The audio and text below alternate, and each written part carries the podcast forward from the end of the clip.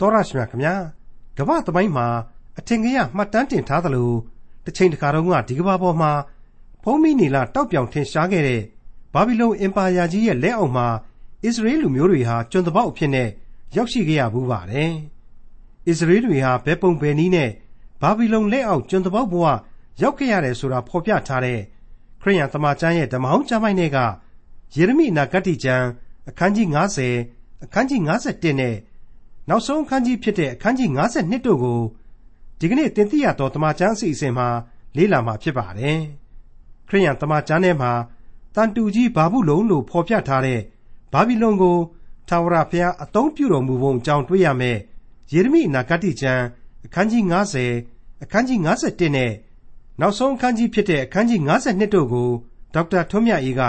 အခုလိုလေ့လာရှင်းလင်းတင်ပြထားပါတယ်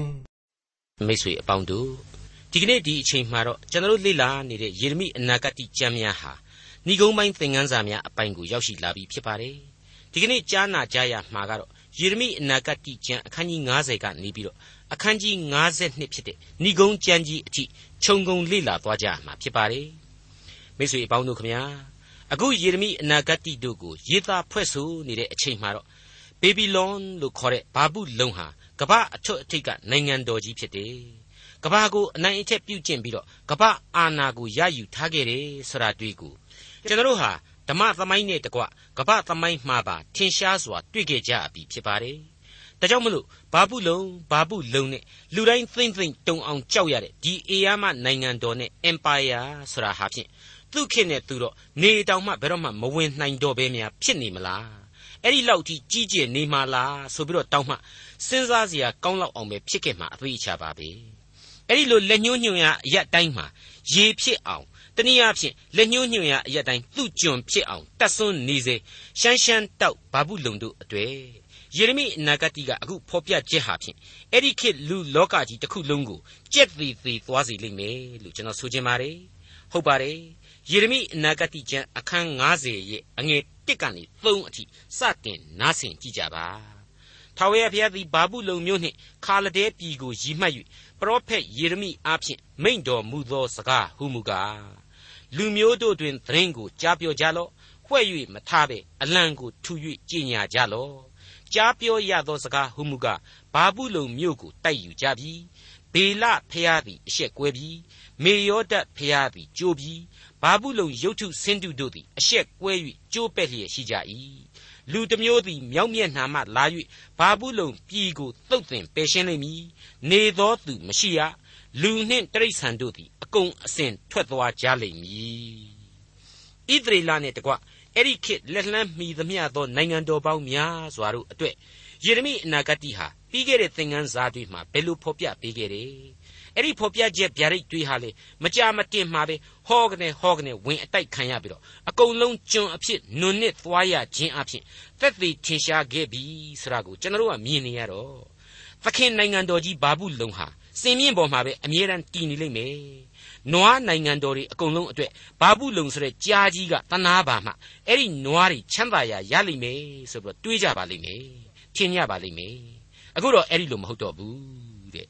ဘာဘူးလုံဆိုတဲ့နိုင်ငံတော်ရဲ့လူသားတွေကိုအသာထားအဲ့ဒီလူသားတွေဖူးဖူးမှုတ်ထားတဲ့ဘာလဖျားတွေဘေလဖျားတွေမေယောဒဖျားတွေဘာဘူးလုံရုတ်ထုဆင်းတူတွေတဲ့အဲ့ဒီဖျားတို့ကိုယ်တိုင်ဟာအရှက်ကွဲပြီးတော့ကြိုးပဲ့ကုန်ကြရလိမ့်မယ်တဲ့ကြားဆွဲခံရတဲ့နွားတကောင်ဖြစ်တဲ့လူမျိုးတော်ကြတော့အဲ့ဒီလိုသူ့ကိုဆွဲထားတဲ့ကြားကြီးဘာဘူးလုံဒုက္ခရောက်ရခြင်းနဲ့အတူ အရှင်းအိမ်မက်မက်မက်ဖဲနဲ့လွတ်မြောက်ခြင်းကိုခံရလိမ့်မယ်ဆိုတာကိုအခုလိုဆက်လက်ဖော်ပြပေးလိုက်ပြန်ပါတယ်အငယ်၄နဲ့၅ထာဝရဘုရားမိန့်တော်မူသည်ကားထိုကာလအခါဣသရေလအမျိုးသားတို့သည်ယုဒအမျိုးသားတို့နှင့်ပေါင်းဖက်၍လာကြလိမ့်မည်မျက်ရည်ကျလျက်ခยีသွားလျက်သူတို့၏ဘုရားသခင်ထာဝရဘုရားကိုသွား၍ရှာကြလိမ့်မည်ဇီးုံမျိုးသို့မျက်နှာပြု၍လမ်းကိုရှာကြလိမ့်မည်အစဉ်မမေ့လျော့ရသောပရိညင်အားဖြင့် ထာဝရဘုရားထံတော်သို့ချဉ်ကပ်၍မိသဟာယဖွဲ့ကြလိမ့်မည်တဲ့ဣသရေလနဲ့တကွအဲ့ဒီခေတ်လက်လှမ်းမှီသူနိုင်ငံတော်တွေအကုန်လုံးကိုကျွန်ပြုတ်ခဲ့တဲ့ဘာဘူးလုံကြီးဟောဟောတိုင်းတိုင်းနဲ့ပြိုကျပျက်စီးရလိမ့်မယ်အဲ့ဒီအချိန်မှာမြောက်ဖက်ဣသရေလရှေးနှစ်ပေါင်းများစွာကတည်းကအာရှုရိအောက်မှာရောက်ပြီးတော့ကဘာအနှံ့ပျောက်ကွယ်ပျက်စီးရတဲ့ဣသရေလ အဲ့ဒီလူမျိုးအကျွင်းအကြံတွေနဲ့ယူဒလူမျိုးတို့ဟာပူးပေါင်းပြီးတော့နိုင်ငံတော်ကိုပြန်ပြီးတော့တည်ဆောက်ကြလိမ့်မယ်တဲ့အဲ့ဒီအတိုင်းပဲဟုတ်ပါတယ်ကယ်တင်ရှင်သခင်ခရစ်တော်ရဲ့ခေတ်မှာယူဒရဲ့ဣသရီလရဲ့လို့မရှိတော့ဘူးမြောက်နဲ့တောင်ရဲ့လို့နှစ်ချမ်းမကွဲတော့ဘူးနိုင်ငံတော်တစ်ခုအဖြစ်တည်နေပြီဒါပေမဲ့အဲ့ဒီအချိန်မှာယောမရဲ့ကိုလိုနီနိုင်ငံအဖြစ်သာတည်နေပြီဆိုတာကိုကျွန်တော်တို့ဟာသမိုင်းကြောင်းမှာပြန်တွေ့ရပါတယ်ကဲ လောကီထုတ်ပတ်လူတို့ဇတ်မို့လို့ဆိုပြီးတော့လူသားတို့ကို့အရေးအချင်းနဲ့ကိုမြကို့ကြမာကိုကိုဖန်တီးလို့ရကြလို့လားအခုလောကီထုတ်ပတ်လူတို့ဇတ်အရာဆိုရင်ကို့ကြမာကိုကိုဖန်တီးပြီးဖြစ်ပြက်လာကြတာမဟုတ်ဘူးထာဝရဘုရားကကြိုတင်ကြင်ညာထားပြီးတော့ထာဝရဘုရားကသာလျှင်ဖန်တီးပြစ်တာပဲဒါကိုထာဝရဘုရားနဲ့တိုက်ရိုက်သက်ဆိုင်တဲ့လူမျိုးတို့ဟာသိကိုသိနာလေကြရလိမ့်မယ် သိလို့သာလျှင်လေထာဝရဘုရားထံသို့ချဉ်ကပ်၍မိသဟာယဖွဲ့လာကြရလိမ့်မယ်တဲ့ယေရမိအနာဂတိကျမ်းအခန်းကြီး90အငယ်၈နဲ့9ဘာဘူးလုံမြို့တဲကပြေးကြလော့ခါလဒဲပြည်မှထွက်သွားကြလော့သိုးစုရှိ၌သိုးဒီကဲ့သို့ပြုကြလော့အကြောင်းမူကားမြောက်မျက်နှာအရ၌ကြီးစွာသောတိုင်းနိုင်ငံသားအစုအဝေးကိုငါနှိုးဆော်၍ဘာဘူးလုံမြို့သို့ဆောင်ခဲ့မည် သူတို့သည်မြို့တစ်ဖက်၌တက်ခင်းကျင်း၍တိုက်ယူကြလိမ့်မည်သူတို့ပြစ်သောမြားတို့သည်လိမ္မာသောစစ်သူရဲ့ဤမြားကဲ့သို့ဖြစ်၍မမှန်ဘဲမနေရမေဒီနဲ့ပေရသီလို့ခေါ်တဲ့ Media and Persia ခေါ်ဒီကနေ့အီရန်နိုင်ငံဘက်ကအမျိုးအနွယ်တွေဟာဒင်းတို့ဘာဘူးလုံကိုမှုံမှုံညံ့ညက်ကြေသွားအောင်လို့လာပြီးတိုက်ကြလိမ့်မယ်ဆိုတာကိုနှစ်ပေါင်း80အကွာအဝေးကလေးကကြိုတင်သတိပေးထားလိုက်ပါတယ် ယေရမိအနာဂတိကျမ်းအခန်းကြီး90အငယ်21မှ25ပုံကန်တတ်သောပြည်ဆုံးမအပ်သောပြည်သားတို့ရှိရာသို့စစ်ချီကြလော့သုတ်သင်ပယ်ရှင်း၍သူတို့အမျိုးအနွယ်ကိုအကုန်အစင်ဖျက်ဆီးကြလော့ငါမှားထားသမျှအတိုင်းပြုကြလော့ဟုထာဝရဘုရားမိန့်တော်မူ၏ထိုပြည်၌စစ်တိုက်ခြင်းအသံကြီးစွာသောဖျက်ဆီးခြင်းအသံကိုကြားရ၏မြေတပြင်လုံးကိုရိုက်နှက်သောတန်တူသည်ကျိုးပြက်လေပြီတကား ဘာဘူးလုံမြို့သည် လူမျိုးတို့တွင်အံ့ဩရာဖြစ်လေပြီတကားအိုးဘာဘူးလုံမြို့သင်အဖို့ကြော်ကွင်းကိုငါထောင်ထားသဖြင့်သင်သည်ဒရိတ်လေး၍ဒရိတ်လေး၍ကြော့မိပြီထာဝရဘုရား၏အာနာတော်ကိုဆံသောကြောင့်ရန်သူတွေ့၍တိုက်ယူပြီထာဝရဘုရားသည်လက်နှင့်စုံတိုက်တော်ကိုဖွင့်၍အမျက်တော်လက်နှင့်တို့ကိုထုတ်တော်မူပြီဤအမှုကကောင်းကင်ဘိုးကြီးသခင်အရှင်ထာဝရဘုရားသည်ခါလတေခါလဒေပြည်၌ပြုတော်မူသောအမှုပေတည်း သတိလေး၍ကြော့မိခြင်းတဲ့ပြီးတော့ဘုရားသခင်အာနာတော်ကိုဖီဆန်ခြင်းတဲ့ကျွန်တော်ယင်တဲ့မှာကတော့ကပ္ပသမိုင်းတစ်လျှောက်မှာအဲ့ဒီလိုသတိနဲ့အသီးစရာကိုလူအဖွဲ့အစည်းဟာကြိမ်ဖန်များစွာလစ်ဟင်းမြဲဖြစ်ခဲ့တယ်အဲ့ဒီလိုလစ်ဟင်းမြဲဖြစ်ခဲ့တဲ့အတွက်ကြောင့်လေဘုရားသခင်ရဲ့အာနာတော်ကိုဖီဆန်မိခြင်းပဲဖြစ်ခဲ့တယ်လို့ခန်းစားမိပါတယ်ပြင်သစ်ဧကီကြီးနပိုလီယန်ဟာလေဘုရားသခင်အကြောင်းကိုသူကောင်းကောင်းသိပါတယ် ဒါပေမဲ့သိတဲ့ကြားထဲကပဲသူ့ရဲ့လောကစွန်ပကားတွေကိုပုံပြီးတော့အာကိုမိခဲ့တယ်အဲ့ဒါနဲ့ပဲမော်စကိုတိုက်ပွဲကြီးမှာသူဟာဆောင်းနှင်းတွေကြောင့်အရှုံးပေးခဲ့ရသလိုဝါတလူတိုက်ပွဲကြီးမှာလေသူ့ရဲ့မြင့်တက်ကြီးဟာနွန်တော်ကြီးတွေကြောင့်စစ်ရှုံးသွားခဲ့ရတယ်ဆိုတာကိုသတိရခြင်းစရာကောင်းလှပါတယ်ယေရမိအနာဂတိကျမ်းအခန်းကြီး90အငယ်45နဲ့46တို့ဖြစ်၍ ထာဝရဘုရားသည်ဘာဘူးလုံမြို့တစ်ဖက်၌ကြံစီတော်မူသောအကြံခါလဒဲပြည်တစ်ဖက်၌ကြံစီတော်မူသောအကြံအစီတို့ကိုနားထောင်ကြလော့အကယ်စင်စစ်ရန်သူသည်အားမရှိသောထိုသိုးတို့ကိုလူရဲ့လိမ့်မည်အကယ်စင်စစ်သူတို့ရှိရာသို့လာ၍ကျက်စားရရက်ကိုဖျက်ဆီးလိမ့်မည်ဘာဘူးလုံမြို့ကိုတိုက်ယူသောအသံကြောင့်မြေကြီးလှုပ်ရှား၏အော်ဟစ်သောအသံကိုလူအမျိုးမျိုးတို့သည်ကြားရကြ၏သောတရှင်မိတ်ဆွေအပေါင်းတို့ခမညာ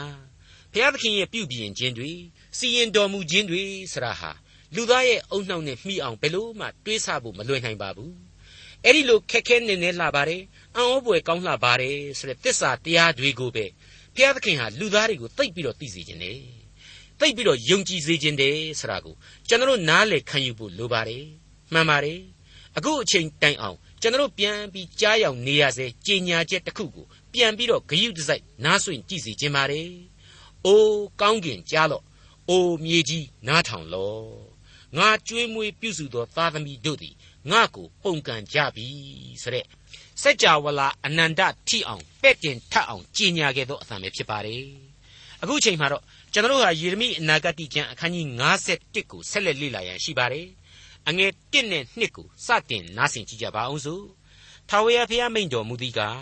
ဘာဘူးလုံမျိုးတစ်ဖက်၌၎င်းငါဤရန်သူတို့နှင့်ပေါင်းဖော်သောသူတို့တစ်ဖက်၌၎င်း ဖြစ်စည်းတတ်သောလေကိုငါထစေမည်။စကောနှင့်ပြရတ်သောသူတို့ကိုဘာဘူးလုံမြို့သို့ငါစီလွတ်သဖြင့်သူတို့သည်တပြည်လုံးကိုပြာ၍ရှင်းလင်းကြလိမ့်မည်။အမှုရောက်သောကာလသူတို့သည်မြို့ပတ်ဝန်းကျင်တို့၌ရံပဲ့ပြုလျက်နေကြလိမ့်မည်။အနှစ်ချုပ်ကတော့ဖြစ်စည်းတတ်သောလေကိုငါထစေမည်တဲ့။အဲ့ဒီအချိန်မှပဲတပြိုင်နက်တည်းဆိုသလိုစကောနဲ့တခါထပ်ပြီးတော့လူတွေလွတ်ပြီးတော့ပြတယ်လို့လုပ်ပြအောင်မယ်တဲ့။ကြောက်เสียမကောင်းဘူးလား။ တနည်းပြောရရင်တော့ဘုရားသခင်ရဲ့စီရင်တော်မူခြင်းဆိုတာဟာအကောင်းနဲ့အဆိုးကိုရွေးနှုတ်ခြင်းပဲဆိုတာကိုဖော်ပြပါတယ်။အဲ့ဒီလိုအတိတ်ဘယ်ကရှိနေတော့ဒီကျမ်းအတိုင်းကျွန်တော်ဆက်ပြီးတော့ဖတ်ကြည့်ပါတယ်။ဒီအခါမှာကျွန်တော်ပြောခဲ့တဲ့အတိုင်းအမှန်တကယ်ပဲအကောင်းနဲ့အဆိုးကိုရွေးနှုတ်ခြင်းပဲလား။သို့မဟုတ်ဘယ်လိုသမိုင်းကြောင်းတွေရှိလို့သူတစ်ချိန်ကအပြစ်ပေးခဲ့တဲ့လူမျိုးတော်နဲ့တခြားလူမျိုးတွေကိုဆက်ပြီးတော့ तू ကကယ်ပြီးတော့သူ့အလိုတော်အတိုင်းသားလျင်အာနာရှင်ကြီးဖြစ်လာတဲ့လူမျိုးကြီးတစ်ခုကိုကြက်ပြန်တော့ ပယ်ပြစ်ရပြန်တယ်လေအကောင်းနဲ့အဆိုးကိုဘယ်လိုနည်းနဲ့စံသတ်မှတ်တယ်လဲဆိုတဲ့အချက်တွေးကိုအောက်ပါအတိုင်းအဖြေများရရှိလာပါတယ်ဒီကျမ်းရဲ့အငယ်30အရဣသရေလသည်ဖြောက်မှတ်သည်ဟုဘုရားသခင်သတ်မှတ်တာကိုတွေ့ရပါတယ်ဖြောက်မှတ်ခြင်းဟာယုံကြည်ခြင်းအပြင်သာရနိုင်တဲ့အရာဖြစ်တဲ့အတွက်ကြောင့်တေဣသရေလ၏ယုံကြည်ခြင်းကိုပြန်လဲကောင်းကြီးပေးခြင်းပဲအငယ်7အရာဗိမာန်တော်ကိုဖျက်ဆီးခြင်းဆိုတဲ့အပြစ်ကို ဘာဘူးလုံနိုင်ငံတော်ဟာပြန်လဲပြီးပေးဆက်ရမယ်ဆိုတာကိုတွေ့ရပါတယ်။ဒါကြောင့်နှစ်အချက်အနေနဲ့ဗိမာန်တော်ကိုဖျက်ဆီးမှုအတွက်အပြစ်အလျောက်ပေးဆက်ရခြင်းအငယ်73မှာကျတော့သင်ဤလောဘအလိုပြက်ချိန်ရောက်ပြီဆိုတာကိုတွေ့ရပါတယ်။ဒါကြောင့်မလို့သုံးအချက်အနေနဲ့လောဘရမက်ကိုလွန်ကျူးခဲ့ခြင်းအငယ်24အရာဘာဘူးလုံမြို့သူခါလဒဲပြည်သားအပေါင်းတို့သည် ဇီးုံမြို့၌ပြုလေသမျှသောဒုစရိုက်ရှိသည့်အတိုင်းငါသည်သင်တို့မျက်မှောက်၌သူတို့အားအပြစ်ပေးမည်ဆိုတာကိုတွေ့ရပြန်ပါ रे ဒါကြောင့်မလို့လေးအချက်အနေနဲ့ဘုရားသခင်ရဲ့တန်ရှင်းသောဗိမာန်တော်ကိုဖျက်ဆီးပြည့်ုံသားမကတန်ရှင်းရာအရတ်မှာမတန့်မရှင်းတဲ့မဖွဲမရာအမှုတွေကိုသူတို့ကျူးလွန်ခဲ့ခြင်းအငယ်25အရာဖျက်ဆီးတတ်သောသဘောရှိ၍မြေကြီးတစ်ပြင်လုံးကိုဖျက်ဆီးတတ်သောတောင်ကြီးသင့်တစ်ဖက်မှာငါနေမည်ဆိုပြီးတော့တွေ့ရပါတယ်။ဒါ ကြောင့်မလို့ဘာဘူးလုံဟာငါအချက်အနေနဲ့အတွင်းသဘောမှာပင်လျင်ဇာတိပဂရိအပြစ်တို့ဖုံးလွှမ်းလျက်ရှိနေခြင်းနဲ့ဖြက်လို့ဖြက်စီးအပြစ်ကြီးလာသောလူသားများဖြစ်နေခြင်းဆိုတဲ့အပြစ်ပေါင်းစုံတို့ကိုဆက်ပြီးတော့လေ့လာတွေ့ရှိနိုင်ပါတယ်။ဒီအချက်တွေကိုကျွန်တော်ကသိပြီးတော့အသေးမစိတ်ဖဲနဲ့ဆက်လက်တင်ပြခြင်းနာကတော့အငယ်39နဲ့40ကိုကြည်ပါသူတို့သည်ပျော်မွေ့ကြမည်အကြောင်းနှင့်နောက်တဖန်မနိုးပဲအစင်မပြတ်အိပ်ပျော်မည်အကြောင်း သူတို့သည်ရှင်လန်းအားကြီးသောအခါတောက်เสียဖို့ငါတိုက်၍ရစ်မှုစေမည်အသေးသက်ချင်းငါဆွဲ၍ချသောသိုးတငယ်ကဲ့သို့၎င်းသိုးဒီစိတ်ကြီးကိုကဲ့သို့၎င်းငါဆွဲ၍ချမည်တဲ့အံ့ဩဖို့မကောင်းဘူးလားအဲ့ဒီဗျာဒိတ်ကြီးဟာလေနောက်နှစ်ပေါင်း80ကြာတဲ့အချိန်မှာဘာဘူးလုံနန်းတော်ကြီးတဲ့ကပျော်ပွဲရွှင်ပွဲအခမ်းအနားကြီးတစ်ခုအကြောင်းကိုရည်ညွှန်းဖော်ပြနေခြင်းပဲဖြစ်ပါတယ်။ အဲ့ဒီညရဲ့အကြောင်းကိုတော့ဒံယေလအနာဂတိမှာအခန်းကြီး9အငယ်1မှ4ကိုဖတ်ကြည့်ရင်အတိတ်ပဲရှင်းလင်းစွာပေါ်လွင်နေပါတယ်။တယံရောအခါဘေလရှာစာမင်းကြီးသည်မူးမတ်တထောင်ကိုခေါ်ပြီးလျှင်ကြီးစွာသောပွဲကိုလုပ်၍မူးမတ်တထောင်နှင့်တကွစပြည့်ရည်ကိုတောက်တော်မူ၏စပြည့်ရည်ကိုမြည်ဆန်းသောအခါယေရုရှလင်မြို့ဗိမာန်တော်တဲကခမည်းတော်နေပုခတ်နေစာသိမ့်ယူဆောင်ခဲ့သောရွှေဖလားငွေဖလားတို့နှင့်ကိုတော်တိုင်မှဆ၍ မင်းသားမိဖုရားမောင်းမမိတ်သံတို့သည်တောက်ရမည်အကြောင်းထိုဖလားတို့ကိုယူခဲ့ရမည်ဟုအမိန့်တော်ရှိသည့်အတိုင်းယေရုရှလင်မြို့၌ရှိသောဘုရားသခင်၏ဗိမာန်တော်တိုက်ထဲကသိမ့်ယူဆောင်ခဲ့သောရွှေဖလားတို့ကိုယူခဲ့၍မင်းကြီးမင်းသားမိဖုရားမောင်းမမိတ်သံတို့သည်ထိုဖလားတို့နှင့်တောက်ကြ၏စပြည့်ရည်ကိုတောက်၍ရွှေဖျားငွေဖျားကြေးဝါဖျားတန်ဖျားသစ်ဖျားကြောက်ဖျားတို့ကိုချီးမွမ်းကြ၏တဲ့ ဘုရားသခင်ရဲ့ဗိမှန်တော်ကိုဘိုးဘေးတွေကဖျက်ဆီးပြီးတော့ဇီးုံအရတ်မှာမဖွဲမရာတွေပြုခဲ့သလိုနောက်ထပ်နှစ်ပေါင်း80အကြာမှာတော့ဘာဘူးလုံနောက်ဆုံးမင်းဟာဗိမာန်တော်ကသိမ်းယူခဲ့တဲ့တန်ရှင်းသောခွက်ဖလားတွေကိုမဖွဲမရမတန့်မရှင်းတွေလုတ်ခဲ့ကြပြန်တယ်ဆိုတဲ့အချက်ဟာရှင်းနေအောင်ပေါ်လင်းနေပြီမဟုတ်ဘူးလားအဲ့ဒီမှာတင်လွန်ခဲ့တဲ့နှစ်ပေါင်း80တုန်းကအခုကျွန်တော်တို့လေ့လာနေတဲ့ယေရမိအနာဂတ်ဖော်ပြတာ ਨੇ ကွက်တိဖြစ်နေပြီ သူတို့သည်ပျော်မွေ့ကြမည်အကြောင်းနှင့်နောက်တဖန်မနိုးဘဲအစင်မပြတ်အိပ်ပျော်မည်အကြောင်းသူတို့သည်ရှင်လန်းအားကြီးသောအခါတောက်เสียဖို့ငါတိုက်၍ရစ်မှုစေမည်အသေးသက်ချင်းငါငါပြုမည်တဲ့ဘလောက်အံ့ဩဖို့ကောင်းလေအဲ့ဒီညမှာတင်ပဲဘာဘူးလုံတွေဘယ်လိုဖြစ်ခဲ့ကြရတဲ့ဆိုတာကိုတော့အဲ့ဒီဒံယေလအနာဂတိကျမ်းအခန်းကြီး9အငယ်30နဲ့31ဟာအခုလိုလိုရင်းတိုရှင်းဖော်ပြပေးလိုက်ပါတယ်ထိုည၌ပင်ခါလဒဲရှင်ဘရင် ဘေလရှာဇာမင်းသည်အသက်ဆုံး၍မေဒီအမျိုးဒါရိမင်းသည်အသက်62နှစ်တွင်နိုင်ငံတော်ကိုသိမ်းယူတော်မူ၏တဲ့မိတ်ဆွေအပေါင်းတို့ယေရမိအနာဂတိကျမ်းအခန်းကြီး51ရဲ့အနာဂတိတွေဟာဘာဘူးလုံနိုင်ငံရဲ့ကြဆုံးကမ်းကိုကျွန်တော်ပြောခဲ့တဲ့အတိုင်းပဲအနှစ်85နှစ်ခန့်လို့ခံမှန်းရတဲ့အချိန်ကလေးကယေရမိအဖြစ်ဘုရားသခင်ဖော်ပြပေးခဲ့တာရှင်းနေအောင်တွေ့ရပါပြီဒီဗျာဒိတ်တော်တို့ကိုဘယ်လိုဘယ်လိုယေရမိစီရင်ခဲ့တယ်ဆိုတာကို အခန်းကြီး51ရဲ့ဏိဂုံးဟာအခုလိုဆက်လက်ဖော်ပြပေးလိုက်ပါတယ်အခန်းကြီး51အငယ်59မှ64ဘာဘူးလုံမြို့အပေါ်မှရောက်လက်တန့်သောဘေးဥပတ်အပေါင်းကြီးဟုသောဘာဘူးလုံမြို့ကိုရည်မှတ်၍ရေးထားသောဤစကားအလုံးစုံတို့ကိုပရောဖက်ယေရမိသည်ရေးကူ၍ယုဒရှင်ဘရင်ဇေဒကိနန်းဆန်လေးနှစ်တွင် ရှင်ဘရင်နှင့်အတူဘာဘူးလုံမြို့သို့လိုက်သွားသော မာသေယ၏သားဖြစ်သော နေရိ၏သားအတွင်းဝန် စယာရကိုမှားထားသောစကားဟုမူကားသင်သည်ဘာဘူးလုံမြို့သို့ရောက်သောအခါဤစကားအလုံးစုံတို့ကိုကြည့်ရှု၍ဖတ်ရမည်ထိုအခါသင်ကအိုးထာဝရဖေယကိုတော်သည်ဤရက်၌လူမရှိတိရစ္ဆာန်မရှိအစင်မပြတ်စိတ်ညံရာအရာဖြစ်စေ၍သုတ်သင်ပယ်ရှင်းမိအကြောင်းကိုချိန်တော်မူပြီးဟုလျှောက်ဆိုရမည်။ဤစာကိုအကုန်စင်ဖတ်ပြီးမှစာပေါ်မှာကြောက်ကိုခြိထား၍ဥဖရမြစ်အလယ်မှာချပစ်လျက် ဘာဘူးလုံမျိုးသည်ဤသို့နေရလိမ့်မည်။ငါရောက်စေသောဘေးဥပတ်ထဲကနောက်တဖန်မထမမြောက်ရ။မြို့သူမြို့သားတို့သည်အာကုံလျက်နေရကြလိမ့်မည်ဟုမွဲ့ဆိုရမည်အကြောင်းကိုယေရမိသည်မှားထားလေ၏။ဤ၍ကယေရမိစကားပေတည်းမိတ်ဆွေအပေါင်းတို့ခမညာဒီအချက်တွေးဟာအလွန်အရေးကြီးတဲ့ယေရမိအားဖြင့်သိရတဲ့သမိုင်းမှတ်တိုင်တွေဖြစ်ပါတယ်ဒါတွေကိုကျွန်တော်တို့ဟာနှုတ်ကပတ်တော်ရဲ့ဝိညာဉ်ခွန်အားအဖြစ်နဲ့မယူသည့်တိုင်အောင် ကပ္ပသမိုင်းဓမ္မသမိုင်းရဲ့အလွန်အရေးကြီးသောဖြစ်စဉ်များအဖြစ်မှတ်တမ်းပြုထားတယ်လို့ကျွန်တော်ဆိုချင်ပါတယ်ကျွန်တော်တို့အသေးစိတ်လေ့လာနိုင်မယ်ဆိုရင်လေ့လာနိုင်သလောက်နှုတ်ကပတ်တော်ကိုပုံမနားလေနိုင်တယ်သမိုင်းဖြစ်ရမှန်ဒီကိုတွေ့ရပြီးတော့သင်ခန်းစာယူပွဲတွေလည်းမြောက်များစွာရှိတယ်နှုတ်ကပတ်တော်ရဲ့ခိုင်လုံခြင်းကိုလေကျွန်တော်တို့ဟာအံ့ဩမကုန်နိုင်လောက်အောင်တွေ့လာရလိမ့်မယ်လို့ကျွန်တော်ဆိုချင်ပါတယ်မိษွေတို့အနေနဲ့ကျွန်တော်ခြံလှက်ခဲ့သောအပိုင်းတွေဟာအရေးမကြီးဘူးလို့ကျွန်တော်မဆိုချင်ပါဘူး ဒီအပိုင်းတွေဟာအရေးကြီးပါတယ်သို့တော်လည်းကျွန်တော်တို့လိုချင်တဲ့ဓမ္မသမိုင်းရဲ့နှုတ်ကပတ်တော်သင်ခန်းစာများအတွက်ကြီးမားစွာအထောက်အကူပြုနိုင်ဖို့ရန်အတွက်တချို့အပိုင်းတွေကိုလေးလံမှဆိုလို့ကျွန်တော်တို့တမင်ပယ်ရှောင်ခဲ့ခြင်းဖြစ်ပါတယ်ဒါပေမဲ့မိတ်ဆွေသောတာရှင်တို့အနေနဲ့ကတော့ဒီဖြစ်စဉ်တွေအသေးစိတ်ပြန်ပြီးလေ့လာနိုင်လေလေအကျိုးရှိနိုင်လေလေ သမိုင်းသင်ခန်းစာများကိုရယူနိုင်လေလေဘ ഹു တုတတိုးပွားလေလေဖြစ်လိမ့်မယ်လို့ကျွန်တော်တို့ထင်ပါတယ်ဒါကြောင့်မို့မိတ်ဆွေတို့အသေးစိတ်ပြန်လဲဖတ်ရှုခွန်အားယူကြပါရန်အထူးပဲမေတ္တာရက်ခံပါရစေမိတ်ဆွေသောတာရှင်အပေါင်းတို့အခုအချိန်မှာတော့ယေရမိအနာဂတ်ကျမ်းအခန်းကြီး52ကိုရောက်ရှိလာပါပြီယေရမိအနာဂတ်ရဲ့နောက်ဆုံးကျမ်းကြီးပဲဖြစ်ပါတယ်အလွန်အလွန်ပြည့်စုံတဲ့သမိုင်းမှတ်တမ်းများနဲ့ပြည့်ဝနေတဲ့ကျမ်းလို့ကျွန်တော်ဆိုချင်ပါတယ်ယုဒမင်းဆက်ရဲ့နောက်ဆုံးသောမင်း ဇေဒကိမင်းရဲ့ဖြစ်ချင်းမလှဘုံတွေနဲ့စတင်သင်ခန်းစာယူကြပါစို့ယေရမိအနာဂတ်ကျမ်းအခန်းကြီး52အငယ်1မှ7ဇေဒကိမင်းသည်အသက်22နှစ်ရှိသောနန်းထိုင်၍ယေရုရှလင်မြို့၌12နှစ်စိုးစံလေ၏မေတော်ကလိဗနမြို့သူယေရမိသမီးဟာမှုတလဖြစ်သည်ထိုမင်းသည်ယောယကိမင်းပြုသမျှအတိုင်းထာဝရဘုရားရှေ့တော်၌ဒုစရိုက်ကိုပြု၏ ထာဝရဘုရားသည်ယူဒပြည်သူယေရုရှလင်မြို့သားတို့ကိုအထံတော်မှမနှင်ထုတ်မီတိုင်အောင်အမျက်ထွက်တော်မူ၍ဇေဒကိမင်းသည်ဘာဘူးလုံရှင်ဘရင်ကိုပုန်ကန်လေ၏ဇေဒကိမင်းနန်းဆန်9နှစ်ဒသမလ10ရက်နေ့တွင်ဘာဘူးလုံရှင်ဘရင်နေပုခတ်နေစားသည်ဘိုးကြီးအပေါင်းတို့နှင့်တကွယေရုရှလင်မြို့သို့စစ်ချီသဖြင့်မြို့ပတ်လည်၌တက်ချ၍မြေကရုတ်တို့ကိုတူပြီးမှ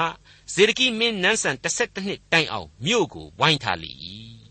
ထိုနှစ်စရုထာလ9ရက်နေ့တွင်မြို့ထဲမှအလွန်အစာအာဟာရခေါင်းပါသဖြင့်မြို့သူမြို့သားတို့သည်စားစရာမရှိသောအခါခါလဒဲလူတို့သည်မြို့ရိုးကိုဖြိုဖောက်၍မြို့ကိုလည်းဝိုင်းနေသောကြောင့်မြို့သားစစ်သူရဲ့အပေါင်းတို့သည်ညအခါပြေး၍မြို့ရိုးနှစ်ထပ်ဆက်ကြားဥယျင်တော်နာတကားဝဖြင့်ထွက်ပြီးမှလွင်ပြင်သို့သွားကြ၏ခါလဒဲစစ်သူရဲတို့သည်ရှင်ဘရင်ဇေဒကိကိုလိုက်၍ ယေရိခေါလွင်ပြင်၌မှီသဖြင့်ဇေဒကိမင်း၏စစ်သူရဲအပေါင်းတို့သည်လွင့်ပြေးကြ၏ရန်သူတို့သည်ရှင်ဘရင်ကိုဖမ်းဆီး၍ဘာဘူးလုံရှင်ဘရင်ရှိရာဟာမတ်ပြည်ရိဗလမြို့သို့ဆောင်သွားကြ၏ဘာဘူးလုံရှင်ဘရင်သည်ဇေဒကိ၏အမှုကိုစစ်ကြောစီရင်၍ဇေဒကိမင်း၏သားတို့ကိုအဖမျက်မှောက်၌သတ်လေ၏ ရိဗလာမြို့မှယုဒမူမတ်အပေါင်းတို့ကိုလည်းသတ်လေ၏ဇေတကိမျက်စိကိုလည်းဖောက်ပြီးမှသူ့ကိုကြေးဝါကြိုးနှင့်ချီနှောင်၍ဘာပုလုံမြို့သို့ယူသွားသဖြင့်သေသည်တိုင်အောင်ထောင်ထဲမှလှောင်ထားလေ၏ယင်းနှင့်စရာမကောင်းဘူးလားမိတ်ဆွေအဲ့ဒီဇေတကိဆိုတာကိုလေယေရမိကနေပြောတယ်အရှင်မင်းကြီးဘဲမှမပြေးနဲ့ခမရဘာမှမဖြစ်စေရဘူးဖျားသခင်ကခမရကို ငြိမ်သက်စွာနဲ့အဖန်ခံစီခြင်းနေအေးစေးလိုက်သွားလိုက်ဆိုပြီးတော့ယေရမိပြောတယ်ဒါပေမဲ့ယေရမိရဲ့စကားကိုနားမထောင်ဘူးပြေးပြေးအောင်ပြေးတယ်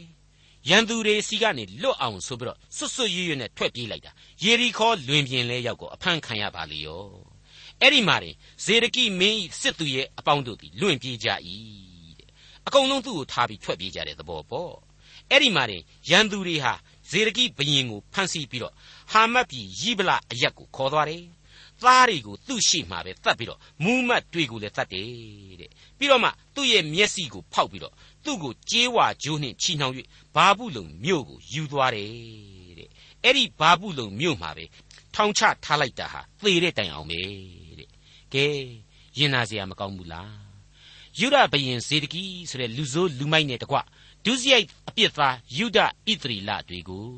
ဘုရားသခင်ရဲ့အခွင့်အာဏာနဲ့ဘာဘူးလုံတွေဟာဘယ်လိုဘယ်လိုအောင်နိုင်ခဲ့ပြီးတော့ဘယ်လိုဘယ်လိုရက်ဆက်စွာခြေမှုန်းနိုင်ခဲ့ပြီဆိုတာကိုကျွန်တော်တို့အတိတ်သမိုင်းသင်ခန်းစာတွေမှာလည်းအထက်ထပ်ဖော်ပြပေးခဲ့ပြီးပြီဖြစ်ပါတယ်အခုအသစ်ပြန်ပြီးတော့လေ့လာရတယ်လို့ပေါ့ဒါပေမဲ့နောင်နှစ်80အကြာမှာဒီအဖြစ်ဆိုးအတိုင်းပြန်ပြီးပေးဆက်ဖို့ရန်အတွက်တော့ဘာဘူးလုံတွေဟာလေဇေရကိမင်းအတိုင်းမိုက်မဲခဲ့ပုံတွေကို ယေရမိအသေးစိတ်မှတ်တမ်းပြုပြီးပြန်ပါတယ်ယေရမိအနာဂတိကျမ်းအခန်းကြီး52အငယ်7မှ23ဘာဘူးလုံရှင်ဘရင်နေဗုခတ်နေဇာနန်းဆန်19နှစ်ပြင်စမလ10ရက်နေ့တွင် အမှုတော်တန်ကိုရန်တော်မူနေဗုဇာရဒန်သည်ယေရုရှလင်မြို့သို့လာ၍ဗိမာန်တော်နန်းတော်မင်းအိမ်ဆင်းရဲသားအိမ်ရှိသမျှတို့ကိုမိရှို့လေ၏ ကိုရန်တော်မှု၌ပါသောခါလဒဲစစ်သူရဲ့အပေါင်းတို့သည်ယေရုရှလင်မြို့ရိုးရှိသမျှတို့ကိုဖြိုဖျက်ကြ၏ထိုအခါကိုရန်တော်မှုနေဗုဇာရဒန်သည်မြို့ထဲမှကြံကျွင်းသောဆင်းရဲသားဘာဘူးလုံရှင်ဘရင်ဘက်သို့ကူးသွားသောမြို့သားကျွင်းသမျှသောသူတို့ကိုသိမ့်သွားလေ၏တို့ရတွင်စပြည့်ဥယင်ကိုပြုစု၍လေလုတ်စေခြင်းဟာဆင်းရဲသားအချို့တို့ကိုထားခဲ့လေ၏ဗိမာန်တော်၌ကြေးဝါတိုင်တို့ကို၎င်းကြေးဝါရေကန်ကို၎င်း ရေချိုးအင်တုံအခြေအမြစ်တို့ကို၎င်းခါလဒဲလူတို့သည်ချိုးဖဲ့၍ကြေးဝါရှိသမျှကိုဘာဘူးလုံမြို့သို့ယူသွားကြ၏အိုကင်တရွင်းပြားမိညက်အိုးဇွန်းမှစ၍အမှုတော်ထမ်းเสียကြေးဝါတစားရှိသမျှတို့ကိုလည်းယူသွားကြ၏ရွှေတစားငွေတစားဒီဟုသောအင်တုံလင်ပန်းအိုးအိုကင်မိခုံဇွန်းဖလားများကိုရွှေဖြစ်စေငွေဖြစ်စေကိုရန်တော်မူသည်ယူသွားလေ၏ ဗိမာန်တော်၌ရှောလမုန်မင်းကြီးလှုပ်သောတိုင်နှစ်တိုင်ရေကန်တစ်ခုရေကန်ခံစရာအခြေအမြစ်ကြေးဝါနွား12ခု၌ပါသောကြေးဝါသည်အချိန်အားဖြင့်အတိုင်းမသိများ၏တိုင်အမြင့်က18တောင်ရှိ၏လုံးပတ်မူက12တောင်ရှိသောကျိုးတစ်ပတ်ရှိ၏ခေါင်းပွားဖြစ်၍ဒုလေးသစ်ရှိ၏ကြေးဝါတိုင်ထိတ်လည်းရှိ၏တိုင်ထိတ်အမြင့်က9000ရှိ၍တိုင်ပတ်လေကြေးဝါကွန်ရွက် ကျေးဝါသလဲသီးတို့နှင့်ပြည့်စုံ၏အခြားသောတိုင်သည်လည်းထို့အတူဖြစ်၍သလဲသီးတို့နှင့်ပြည့်စုံ၏တိုင်တမျက်နှာ၌သလဲသီး66လုံးစီရှိ၍ကွန်ရွက်တစ်ဖက်၌သလဲသီးပေါင်း100ရှိသည်ဟုတ်ပါတယ်မိတ်ဆွေတို့အင်မတန်ခန္ဓာထေဝါခဲ့တဲ့ဒါဝိဒ်မင်းကြီးနဲ့ရှောလမုန်မင်းကြီးခေတ်မှာတိဆောက်ခဲ့သောဗိမာန်တော်ကြီးတဲကအဖိုးရန်ပစ္စည်းမှန်တဲ့ကိုဘာဘူးလုံတွေအကုန်ယူသွားခဲ့ပြီပြီးတဲ့နောက်မှာတော့ဒီဘာဘူးလုံတွေဟာ အဲ့ဒီလိုသူတို့သိမ်းဆည်းသွားတဲ့ရွှေဖလားငွေဖလားတွေတန်ဖိုးရှိတဲ့ဘုရားသခင်ရဲ့ပစ္စည်းပစ္စယတွေအပေါ်မှာသူတို့ဘယ်လိုမဖွဲ့မရတွေပြုခဲ့ကြတယ်အဲ့ဒီအရာတွေကိုသူတို့ရဲ့ပျော်ပွဲစားပွဲအရက်တော့ဝိုင်းကြီးမှာဒီခွက်တွေကိုယူခဲ့စမ်းဆိုပြီးတော့အရက်တွေထည့်ပြီးတော့တောက်ကြလို့အဲ့ဒီညမှာပဲညရင်းချင်းဒီတနိုင်ငံလုံးဘဝပြက်ခဲ့ရပြီဆိုတာကိုလေကျွန်တော်တို့သင်ခန်းစာယူပွဲတွေ့ရှိခဲ့ရပြီးပါပြီ ဖျားသခင်ရဲ့ကြီးမြတ်တော်မူခြင်းအပေါ်မှာလူသားဟာဘယ်တော့မှတန်သေးရမထားဘဲနဲ့ကြောက်ရွံ့ယိုသေးစွာကိုးကွယ်ဖို့လိုအပ်လှကြောင်းကိုယေရမိသင်ခန်းစာများဟာဖော်ပြလျက်ရှိနေပါတယ်ယေရမိအနာဂတ်ကျမ်းအသီးသီးတို့ဟာဗျာဒိတ်တော်များကြီးပဲလို့မဆိုသားတဲ့သမိုင်းဖြစ်ရမှန်တွေကိုအမြောက်အများဖော်ပြထားတဲ့ကျမ်းကြီးတစ်စုဖြစ်ပါတယ် တစ်ချိန်တည်းမှာအဲ့ဒီဖြစ်စဉ်တွေအလုံးစုံတို့ဟာအဖဖျားသခင်ကိုဆန့်ကျင်တော်လှန်ပုန်ကန်တတ်တဲ့လူသားရဲ့ဖြစ်ချင်းမလှပုံအကြောင်းအလုံးစုံတို့ကွင်းကွင်းကွက်ကွက်မိမောင်းထိုးဖော်ပြရင်းနဲ့ဒီကနေ့ယုံကြည်သူမယုံကြည်သူလူသားအားလုံးတို့ဘုရားသခင်အလိုတော်နဲ့အညီရှင်သန်နေထိုင်ကြဖို့ယင်လမ်းညွန်ပြဩဝါဒပြုလျက်ရှိတဲ့အကြောင်းလေးစားစွာတင်ပြလိုက်ပါရစေခင်ဗျာဒေါက်တာထွန်းမြတ်၏စီစဉ်တင်ဆက်တဲ့တင်ပြရတော်တမချန်းအစီအစဉ်ဖြစ်ပါတယ် ခရိယံတမချန်းရဲ့ဓမ္မဟောင်းကျမ်းပိုင်းတွေကယေရမိအနာဂတ်ကျမ်းကို လေ့လာပြီးစီးခဲ့တဲ့နောက်မှာတော့တစ်ဆက်တည်းယေရမိမြည်တမ်းစကားကိုဆက်လက်လေ့လာမှာဖြစ်ပါတယ်နောက်တစ်ချိန်တင်ပြရတော်တမချန်းအစီအစဉ်မှာယေရမိမြည်တမ်းစကားလေ့လာမှုဏ္ဍာန်းပိုင်းကိုစောင့်မျှော်နားဆင်နိုင်ပါတယ်။